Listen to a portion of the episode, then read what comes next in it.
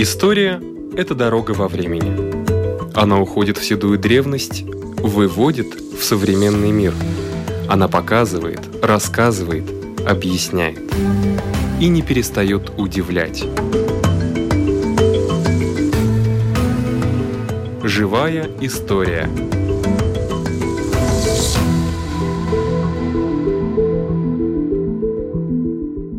У микрофона Лидия Чера.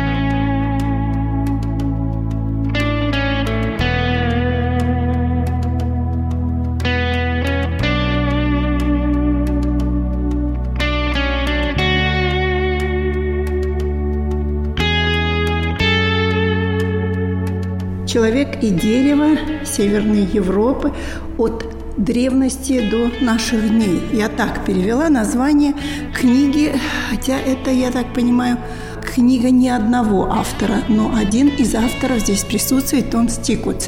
Tas ir rakstu krājums, vairāk autoru kopdarbs, kas ir tapusi pēc konferences ar šādu pašu nosaukumu - Koks un cilvēks Ziemeļā Eiropā no senvēstures līdz mūsdienām, kura notika 2022. gadā. Noslēdzot izstādi par koku un cilvēku miedarbību mūsu reģionā, kas demonstrē Latvijas Nacionālā vēstures muzeja krājumu, bet nu, plašāk interpretēja šo tēmu par to, kā koks, kā materiāls, koks kā tēls, daba, nu, visdažādākie aspekti ir ietekmējuši cilvēku dzīvi, domāšanu, uzskatu saimniecību Latvijas teritorijā. Un autori ir ļoti dažādi nozara speciālisti. Mēs sākam ar geologu, kas paskatās uz miljoniem gadu senu pagātni, kad varētu būt pirmie kokiem līdzīgie augi Latvijas teritorijā, un mēs beidzam faktiski ar skatu nākotnē, varētu teikt. Ir par bērnu koku pārstrādes iespējām, kas faktiski ir tāds skats ne tikai šodienas rūpniecībā, bet kā šo materiālu vēl plašāk varētu pielietot dažādās nozarēs, un arī varbūt uz tādām mūsdienās aktuālām tēmām, koks, vides jautājumi, meža izciršana, kā to interpretē teātris, kā to interpretē dzēja. Tur savukārt mums palīdz teātris kritiķis Hitija Balcere un dzēnieks Ivars Steinbergs, kas analizē ar to stupa dzējoļu ekokritikas lasījumā. Tā kā ļoti plaša šī tematiskā panorāma. Но меня больше интересует, конечно, история. А вот ваша часть в этой книге какая? Es tātad biju grāmatas galvenais redaktors. Es neesmu neviens šī pētījuma autors. Es esmu visu šo materiālu pieskatījis, lai tas būtu kvalitatīvs, saprotams, labi lasāms, uztverams un e, viss būtu ļoti korekti. Un attiecībā uz tiem vēstures pētījumiem, kas ir iekļauti šajā izdevumā, tad jāsaka, ka tie ir ne tikai Latvijas Nacionālā vēstures muzeja speciālisti, bet arī citi mūsu kolēģi. No mūsu muzeja kolēģiem plašāki raksti ir Vitolda Mūžnieka raksts par svētajiem mežiem un kokiem, kas ir ļoti interesants apkopojums par to materiālu, ko mūsu muzejs glabā. Kolēģi Jāņa Šabānova raksts par dažādu koku materiālu izmantošanu dažādās dzīves nozarēs, nu, respektīvi to, kā zemnieks 18. un 19. gadsimtā ļoti labi prata izvēlēties materiālu tieši tai vajadzībai, kas viņam ir nepieciešama.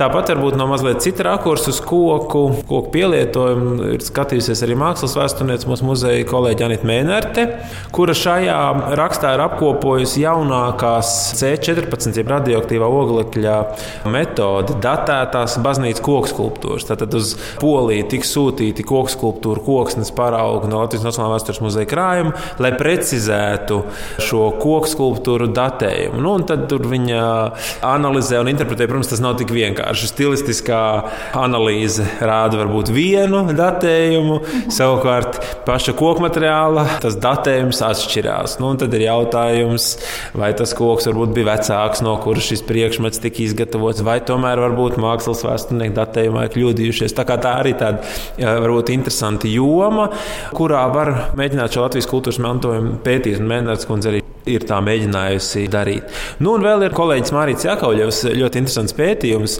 precīzi savotos balstīts par kurzemes un zemgāles mežu likumdošanu. Jo faktiski tā ir mežu likumdošanai, tā izmantošanas kārtībai, kā drīkst, un kurš drīkst un kad drīkst mežu izmantot, faktiski ļoti ilga vēsture. Tie senākie, diezgan izvērstie reglamentējumi attiecībā uz koksnes izmantošanu attiecās uz 16. un 17. gadsimtu. Tā kā nav tā, ka mēs esam 20. gadsimtā attapušies, ka viss ir izcirsts un tagad regulēsim ciršanu. Ja, faktiski tā ir ļoti ilga tradīcija. Un Mārīt Jākaļov analizē tieši šīs likumdošanas attīstību kurzemē un zemgalē, rādot, nu, ka tā problemātika visu laiku saglabājās aktuāla. Zemnieki izcirta to, ko nedrīkst, gan īlopus jaunaudzēs, vasaras svētkos cirta mējas, lai dekorētu mājas un likumdevēji ļoti nevēlējās, lai tas tā notiek, lai jaunaudzes izcērtu. Un, teiksim, uz mežu skatījās kā uz resursu.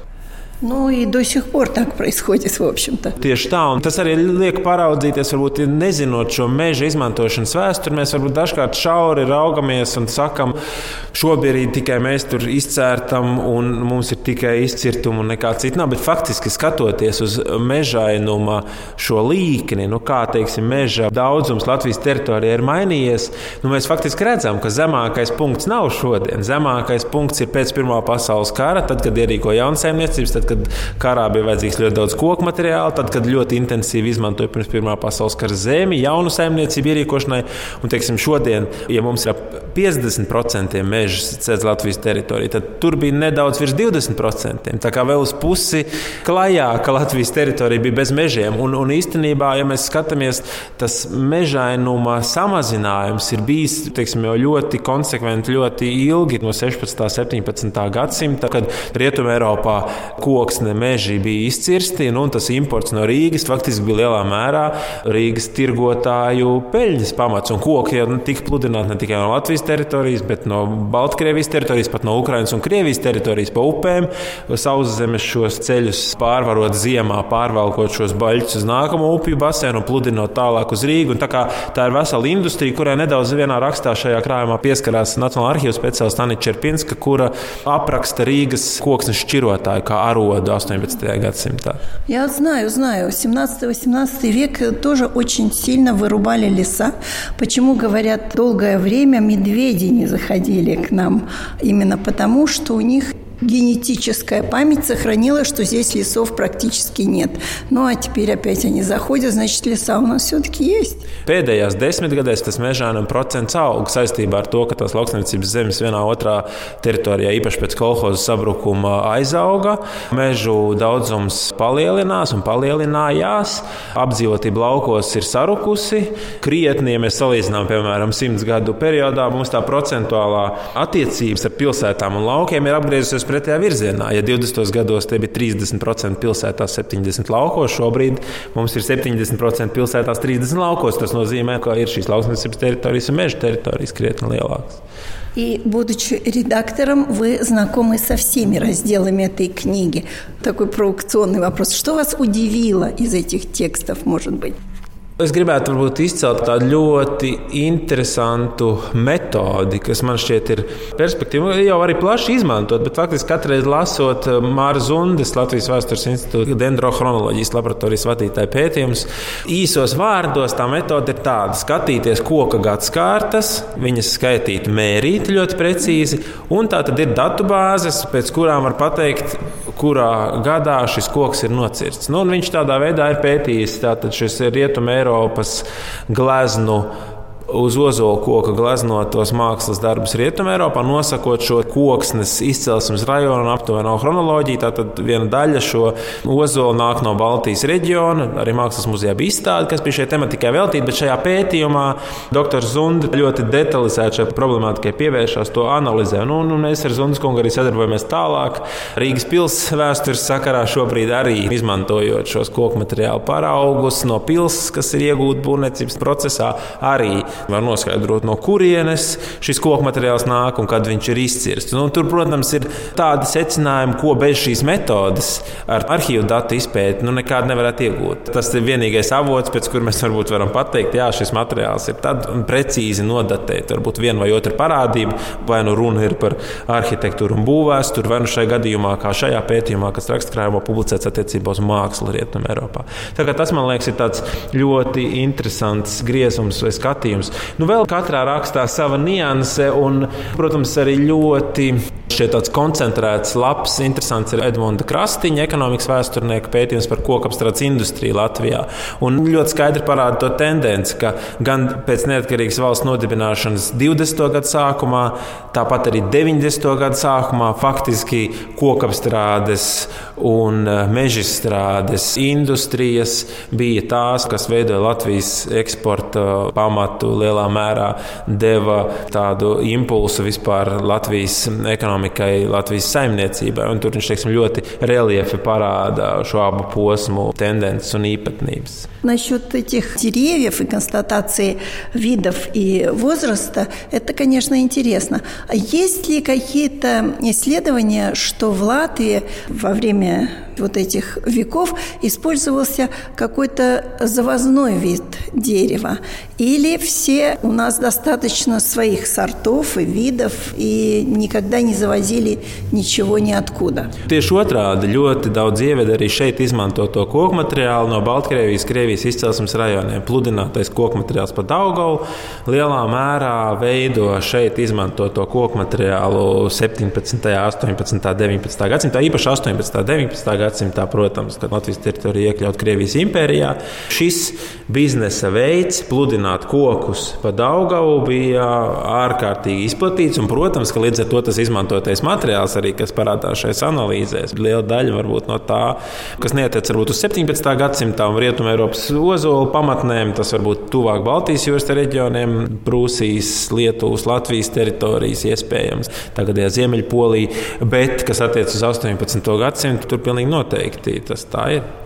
Это в промышленных объемах. Меня интересует для какого-нибудь определенного объекта, ну вот, например, как для памятника свободы завозили доломит из Италии, камень из Италии.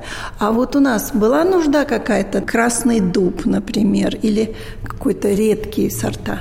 Nu, noteikti tā jau ir tāda kokamatniecība, kurai arī ir ilgas tradīcijas. Protams, ka šis finierējuma materiāls, sarkankoks, ir mahagonijas, citi. Tas bija jau izplatīts jau 18. gadsimtā, un noteikti vēl senāk. Varbūt šai konkrētā rakstkrājumā neviens šai pētniecībai tik detalizēti nav pievērsies, bet, protams, ka tas tā bija.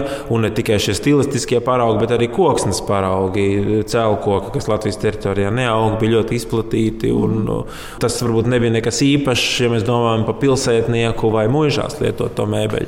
Teiksim, attiecībā uz zemnieku mēbelēm, protams, tas bija vietējais materiāls, un te ļoti interesants arī raksts par latviešu zemnieku krēsliem. Kā Inese Sirica, Mākslas akadēmijas docētāja, viņi ir pētījusi šīs stilistiskās līdzības, nu, no kurienes šie impulsi zemnieku ražoto krēslu, varbūt vizuālajos tēlos, noformējumā, griezumos. Un, nu, tur arī, protams, ļoti interesants paralēls ar Biedermeieru stilu stilu, kas varbūt ir noskatīts baznīcās, mūžās, un tālāk atdarināts arī šeit zemnieka darinājumos, kas, protams, darināti no bērza, liepas, no citiem vietējiem materiāliem.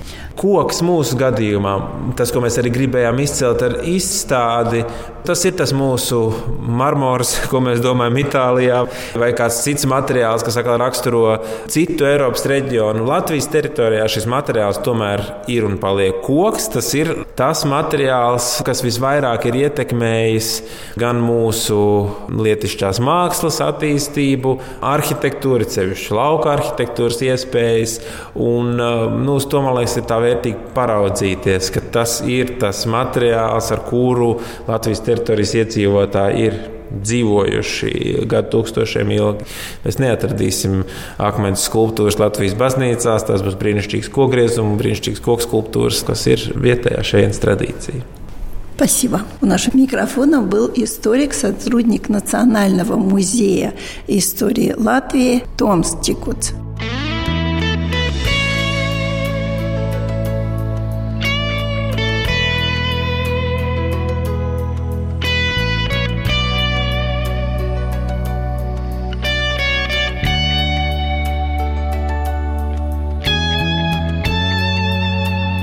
Не так давно, пару лет назад, в Национальном музее истории Латвии прошла выставка «Весло, Моисей и радио». Затем состоялась конференция, на которой тоже основной темой было дерево, которое рассматривалось с разных аспектов. Авторы статей в книге от археологов до сегодняшних деревопереработчиков и работников сферы искусств. А теперь вернемся к выставке и вспомним о том, какие деревянные предметы хранятся в запасниках музея. Я Ингрида Вирсе, археолог из Национального музея истории Латвии. Самые древние люди, которые жили на территории Латвии, это были охотники и рыболовы. И тогда, когда уже Латвия была покрыта лесом, тогда люди не жили в лесу. Они жили на берегах речушек, небольших озер, болотистые места были – и самое главное для них это была лодка, и надо было передвигаться, то есть весло. И у нас есть такие находки. Одни из самых таких древних находок, которые на территории Латвии деревянные, это как раз те предметы, которые связаны с жизнью на берегу весла. Найденные в Сарнате, это торфяниковая стоянка неолитическая, это где-то четвертое тысячелетие до нашей эры, до Христа. Если не было металла, я вот все как думаю, они как они делали? Ну, вот дерево это... об дерево? Э, нет, это кремниевые орудия а, и э, роговые, Рог... и костяные. Да. Потому что кость, если ее правильно обработать, очень жесткая и очень да, э, острая. Да. И также кремень. Потом следующее это Мозус, Моисей. Это уже э, как сноска на то, что уже есть эти сакральные религиозные представления и христианские изваяния деревянные. Иды, ну это никак не идолы, но в церкви. А радио это уже означает индустриализацию, но радио тоже делали корпуса до 60-х годов из дерева. Так что вот этого я не знала. Да, да, наша предпоследняя часть выставки там как раз это показано. И вы вот этой частью заведуете, э, скажем э, так? Ну, заведую это так очень, может, громко сказано. Но да, я работала, Подбирали, да? подбирала, конечно, не я одна, но мы хотели показать, здесь не очень много предметов, но каждый из предметов это уникальный, потому что дерево не сохраняется в земле. Тогда надо вот быть в такой среде, где нет воздуха, и где очень влажная почва. Да. То есть торфяниковые стоянки на берегу озера или как Арайши, где тоже вода очень поднялась, и под водой сохранились эти деревянные предметы. А так в земле, в принципе, дерево не сохраняется. Говорят, дуб лучше всего. Он э, становится, он как бы окаменевает. Э, да, это верно, но тоже, если нет доступа э, кислорода.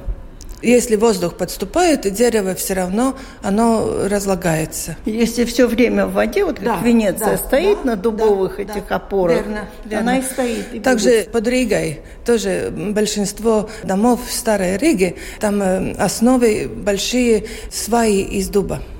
И они тоже все время да, в воде они, они Это в Ридзене, да? Э, там Ридзене, там достаточно влаги, и не подходит воздух.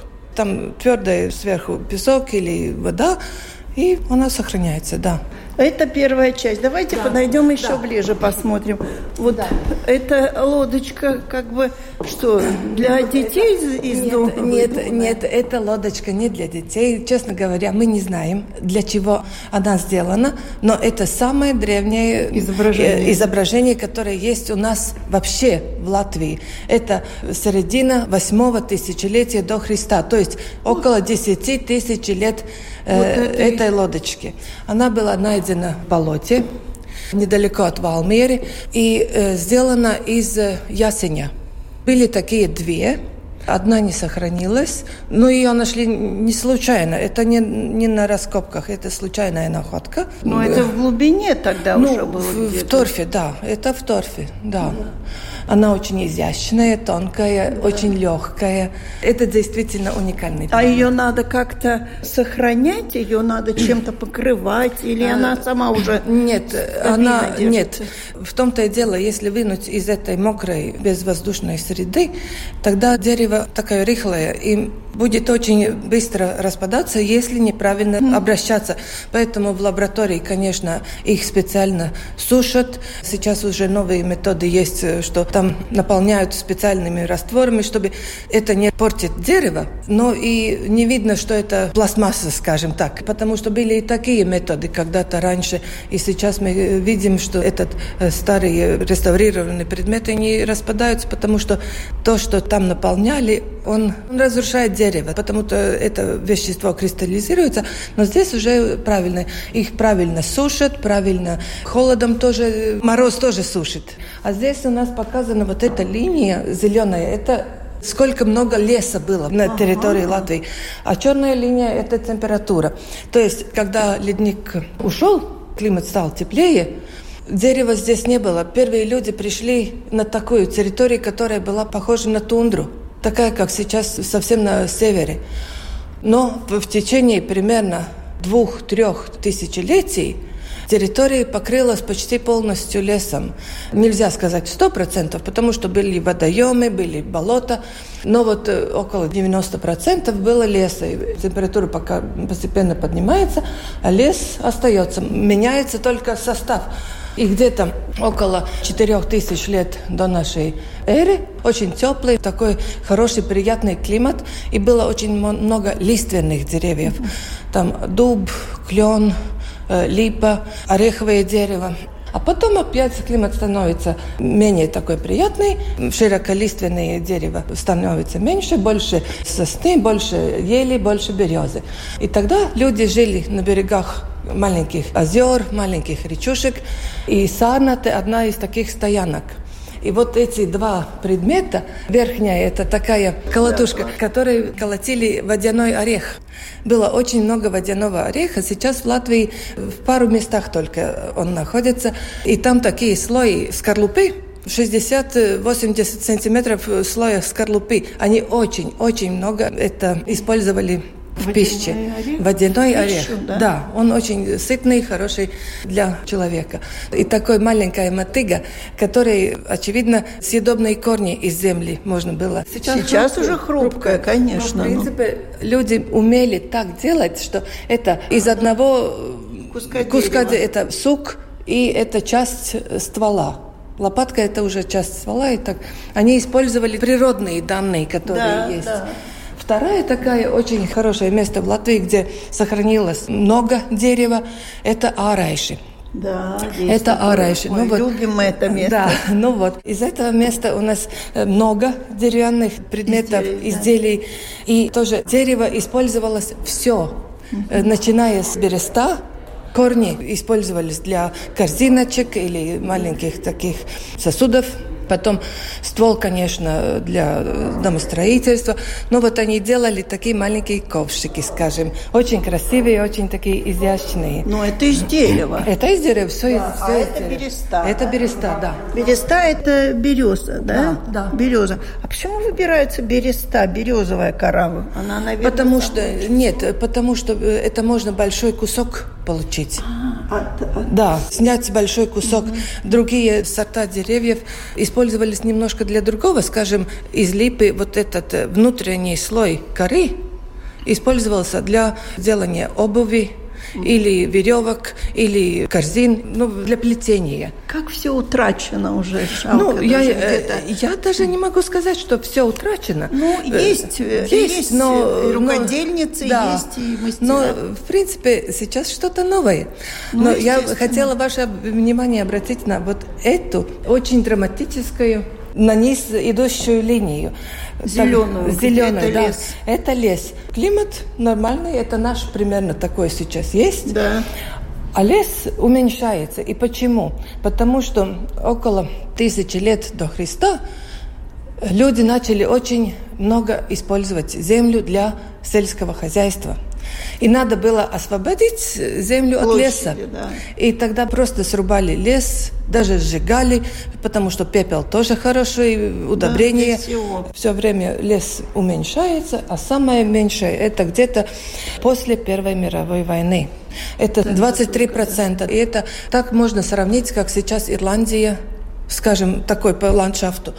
Это на военные нужды ушел Это, лес? Да, и на военные нужды. Потом восстановление хозяйства.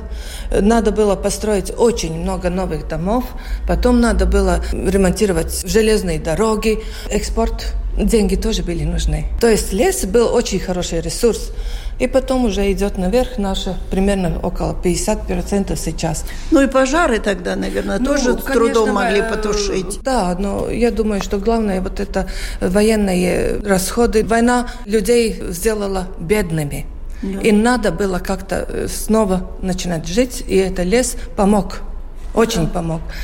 А здесь я хочу ваше внимание обратить на пару очень уникальных. Один – это маленький идол – если вы посмотрите... Я даже не поняла сразу. Да, видно, это очень лицо, даже очень видно такая... лицо, да. э, да, и да. очень такая, если по дизайну, то очень современная, по-моему. Да, Да, прекрасная. Маленький такой, но очень такой... э, Милый милый, божок, милый да. божок, да. Но Который можно в и руке это тоже, держать. это тоже средний неолит, это где-то 4000 лет до Христа.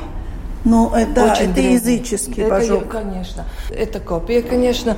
Мы не можем э, уже выставить оригинал из Сарната. Но второй очень уникальный предмет – это щит. Жернова? Нет, А, это щит. Это щит одного воина. Найдены они в Курзаме, юго-западе Латвии. Это место Руцева, тоже в болоте. И этот щит, он сделан из очень тонких досочек ели. И здесь- Похоже на фанеру даже. ну да, он э, где-то до 8 миллиметров толщиной, очень-очень-очень тонкий. И потом он был покрыт э, кожей. В середине была тоже деревянная такая выпуклость. Здесь мы не можем показать, потому что она не так хорошо сохранилась. Да. Но, в принципе, такого второго уже нет. Это единственный, и даже по масштабам Европы. Но вы считаете, что люди шли в бой с этим щитом? Ну, очевидно, очевидно, да, это 9 век. Наш, Э, Наша эра, да, это 9 и век. надо было нашей- защищать свои... Да, конечно, и это был клад, и очевидно такой, ну как э, благодарность э, за успешный или поход, или это было специально положено. Щит, второй щит еще, и потом еще это накидка воина сверху, такая вот тоже очень... Это в могильнике? Это не в могильнике, это просто одна отдельная находка. Это был такой клад, который, очевидно, какой-то воин, э, как благодарность высшим силам. Ну вот это такая... Да, интересно. Но он тяжелый ведь все-таки дерево. Он очень семь, очень легкий. семь. Э, То есть э, сейчас он положен, конечно, на Да. основу, иначе не может. Да, э, да, то есть он он, держит. довольно хрупкий, но в принципе нет, он, он легкий был. Он легкий был, да. Потому что идти в поход с этим было бы Ну, тяжело, если бы он был тяжелый, правильно? Да, конечно, конечно. Но я И говорю, в то тут- время люди так много мяса не ели, они Ну, были наверное, менее, да. менее Менее- сильные, чем си- Ну, я, вот, я не могу это сказать, я не знаю, но, конечно, он не такой тяжелый, как выглядит. Очень интересно. А вот эти дырки, это уже э, время? это- э, нет, это э, здесь был такой полушар сверху, да. который берет на себя самый такой удар. Это было такими заклепками э, прикреплено. Да, вот А, эти вот да. А вот по, по краю остались дырочки. Это там была кожа прикреплена сверху, такая толстая кожа. Когда-то ведь тоже доспехи делали из кожи. Да, да. Из толстой кожи, Да, чтобы да, не да, проткнулись. да, Все. да, конечно. Люди пытались как-то защититься от врагов, и вот разные приспособления да. были. Ну, дерево, конечно, вот очень интересно. И в свое время я разговаривала с зоологом, он говорил, что у медведей в Латвии сохранилась генетическая память того, что когда-то лесов было очень мало. Вот вы подтвердили мое. Э, В принципе, да. Человек должен был сожить с лесом все Сожить, время. да, да. И Сосуществовать. сосу- сосуществовать, да. В одно время лес был больше, но лес бывает и такой, ну, очень... Ну, где страшно. Жестокий, да? Да, потому что там ты не мо- можешь знать, что там Да. немножко дальше не видно. Но лес дает и также убежище. Лес дает э, материал для самое первое для огня. Это жилые помещения, а потом Это ягоды, это грибы. это все. И как интересно, для меня самой, я это не знала, как много, очень много воска и меда экспортировали потом уже в средние века из порта Риги. Мед и воск и пепел даже, даже пепел, да. такие экспортные, экспортные товары. товары да. Да. Так что лес все время человеку дал основу для существования.